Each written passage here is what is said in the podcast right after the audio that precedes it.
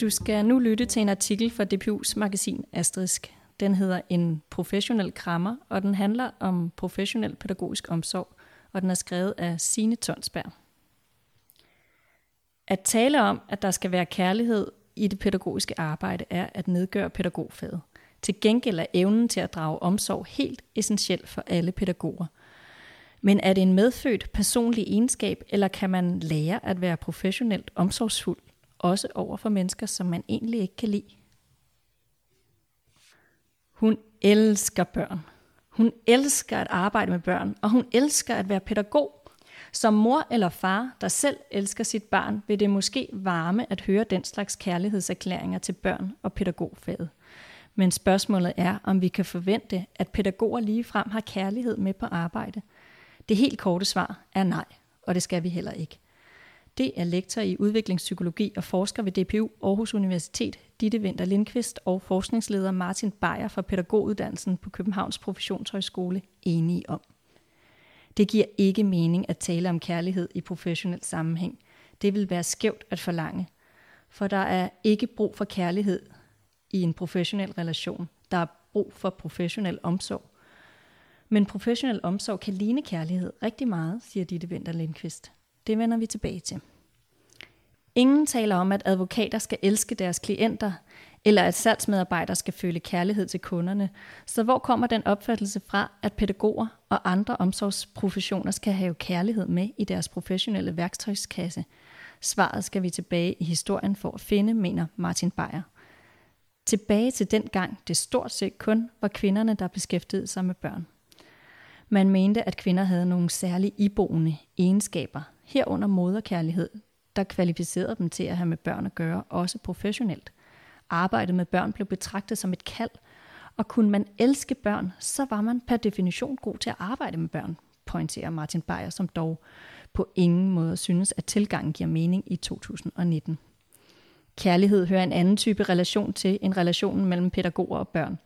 Pædagoger skal omgås børn på en respektfuld og måske endda autentisk måde, men at kalde det for professionel kærlighed er at bevæge sig alt for langt over mod de relationer, vi antager er i familien. Det er forkert at gøre kærlighed til et, ide- til et ideal for det pædagogiske arbejde. Der skal meget mere end kærlighed til for at være en dygtig pædagog og have tætte relationer til andre mennesker. Kærlighed kan også være flygtig, og flygtighed dur ikke, når man arbejder professionelt med børn, siger Martin Beyer. Men hvor evnen til at udvise professionel kærlighed ifølge Martin Beyer ikke er en del af den pædagogiske værktøjskasse, så er evnen til at udvise omsorg til gengæld en professionel kompetence, som man som pædagog skal mestre. Den, den omsorgsgivende rolle er en del af fundamentet i alle de store velfærdsprofessioner, fra pædagoger og lærere til sygeplejersker og sosuer. Men kan omsorg overhovedet læres? Ja, i store træk er de to forskere enige om. Omsorg er også en faglig kompetence. At drage omsorg for alle børn, for børnegruppen og for kolleger er en del af det arbejde, som pædagoger i dagtilbud og fritidshjem skal kunne håndtere, siger Martin Beyer. Også Ditte Winter Lindqvist mener, at omsorg overvejende er noget, der kan læres. Hun er inspireret af den amerikanske samfundsforsker Joan C. Trento, der inddeler evnen til at give omsorg i fire kompetencer eller ressourcer. For at kunne give omsorg må du have et evnen til at give opmærksomhed, 2. Være ansvarlig til at kunne gribe til handling i forskellige situationer. 3. Have kompetencerne til at vide, hvad der er brug for. Og 4. Være lydhør og åben over for, at du selv kan begå fejl og være villig til at justere din egen praksis. Det første punkt med opmærksomheden og ansvarligheden er noget, der kan kultiveres og dannes, pointerer Ditte Winter Lindqvist. De to aspekter med kompetencerne og viden om f.eks. børn eller ældres behov er også noget, man kan lære, men den sidste kategori, lydhørhed eller responsiveness, er mere kompliceret at tillære, påpeger hun. Responsiveness handler om at være åben for justeringer, at være fleksibel med den, den omsorg, man giver, og være åben for, at man kan have lavet en fejlanalyse. Her ligger nogle meget subtile personlige kompetencer, som handler om ens evne til at være empatisk og lydhør i forhold til at acceptere, at man i nogle situationer kan have taget fejl. Det vil nogen fra naturens hånd være bedre til end andre, siger Ditte Vinter Lindqvist.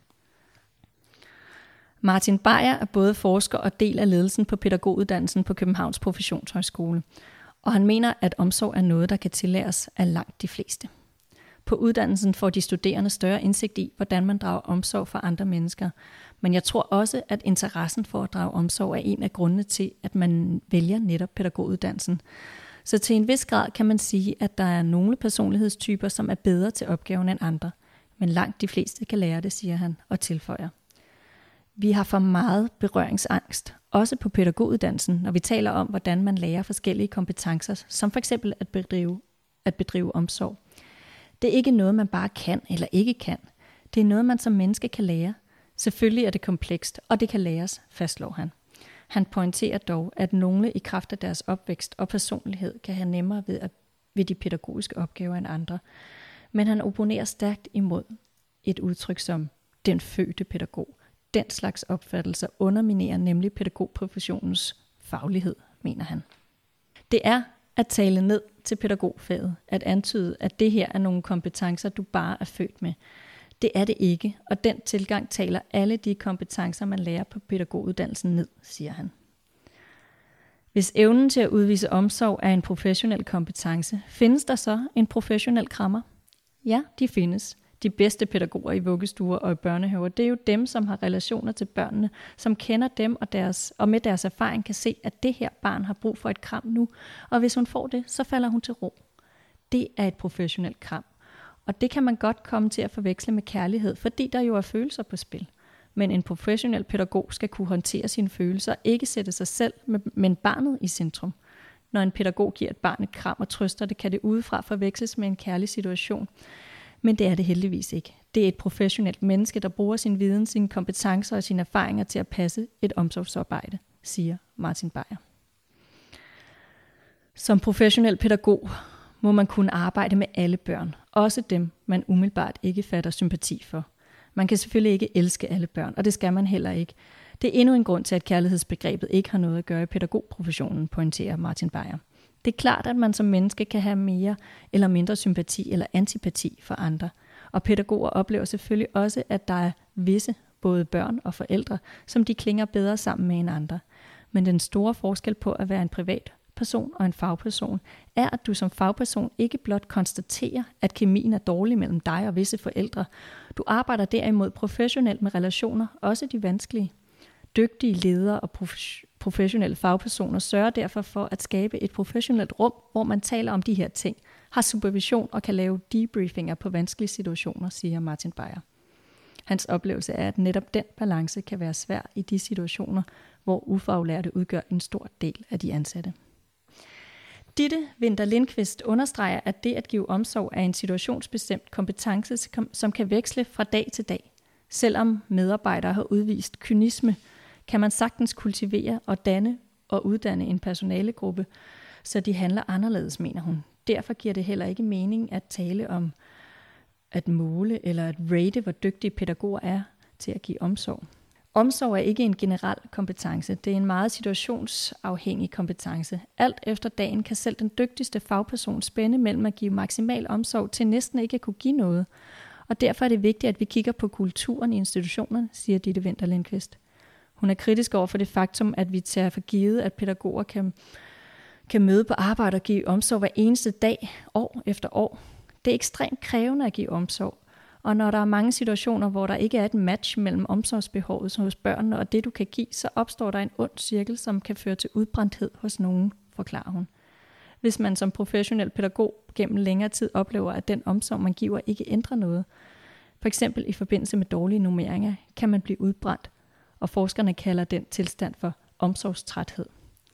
Hvis du har en oplevelse af, at det du gør ikke ændrer noget, så kan du blive kronisk træt af at være omsorgsfuld – det at give omsorg er et krævende arbejde, og derfor er vi nødt til at kigge på forholdene for de pædagoger, som vi ønsker skal yde omsorg hver eneste dag, siger Ditte Vinter Lindqvist, der konkret kritiserer, at det ikke er obligatorisk, at pædagoger får supervision.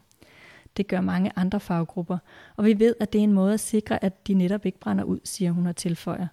Forestil dig et arbejdsliv på 40 år, hvor du konstant har ansvaret for en større gruppe, børnegruppes trivsel. Det er pisse hårdt, hvis vi som samfund i højere grad anerkendte, hvor hårdt det er at arbejde med omsorg, så vil vi også tage hånd om det. I dag er der stort set en i hver eneste institution, som er brændt ud. Der er altid en, der øh, gør alt for at undgå emotionel kontakt og står og sætter sædler på kurve nede i kælderen. Hun har brugt op på omsorgskompetencen, og det er naturligt, men hun skal hjælpes, i stedet for at problemet tabuiseres og individualiseres, siger Ditte Winter Lindqvist. Hun peger på, at løsningen både ligger i supervision, en solid kollektiv professionspraksis og i, at den enkelte institution har gode standarder. Det kan være standarder som, her skælder vi ikke ud, og her tager vi på skødet, her lytter vi, og her tager vi os tid til at følge op på en konflikt. Ved at gøre sådan får man tydeligt gjort, at man som gruppe arbejder med et højt omsorgsniveau, som er del af professionskulturen. På den måde vil medarbejdere uanset uddannelsesniveau blive samlet op og den fælles praksis øh, professionelt rettet til. Vi er nødt til at nå til et punkt, hvor omsorg er noget, vi er fagligt fælles om. Det er ikke en personlig ting. Vi kan ikke sige, at, at alle skal være ens, men vi kan have høje standarder for, hvordan vores omsorgspraksis skal se ud, understreger Ditte Vinter Lindqvist. Martin Beyer er enig i, at vi skal løfte blikket fra den enkelte og se langt mere kollektivt på omsorgsopgaven. Selvfølgelig kan vi professionalisere kompetencerne, også i forhold til omsorg. At være pædagog handler ikke kun om autonomi og personlig frihed, men også om at kunne tilslutte sig et professionelt ideal, som professionen er bygget op om, siger han. Så er der en boks, øh, der beskriver omsorgens ingredienser. Ifølge den amerikanske samfundsforsker Joan C. Tronto er der fire aspekter i det at give omsorg. Opmærksomhed, evnen til at give opmærksomhed – der er ansvarlighed, villighed til at gribe til handling, når du ser behov, for eksempel et barn, der græder, som skal trøstes. Og kompetence, at vide, hvad der er brug for, det vil sige evnen til at følge et behov op med den rigtige handling. Og så er der lydhørhed, at du er fleksibel og kan justere din adfærd, for eksempel på baggrund af feedback, og at du er lydhør over for, at du selv kan tage fejl. Hvis emnet interesserer dig, og du har lyst til at læse mere, så kan du dykke ned i det i Martin Beyers bog, der hedder Personpædagogik profession og forskning. Den er udgivet på Hans Reisels forlag i 2017. Der er en personboks på de to forskere. Ditte Vinter Lindqvist er lektor i udviklingspsykologi på DPU Aarhus Universitet. Hun forsker blandt andet i børns leg og overgang kvalitet i dagtilbud og underviser på kandidatuddannelsen i pædagogisk psykologi. Martin Beyer er viceinstitutschef og leder af forskning og udvikling på pædagoguddannelsen på Københavns Professionshøjskole – og han forsker i velfærdsprofessioner. Det var artiklen om professionel omsorg. Tak fordi du lyttede med.